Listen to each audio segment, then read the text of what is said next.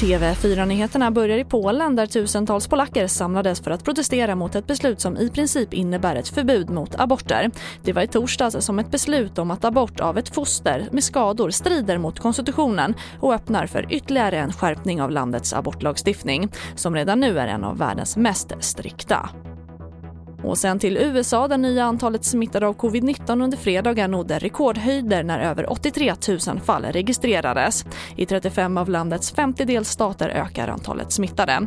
Och president Donald Trump har tidigare sagt att ett vaccin kommer finnas redo inom ett par veckor och att det ska vara gratis för alla. Och igår lovade även Biden att vaccin ska erbjudas utan kostnad.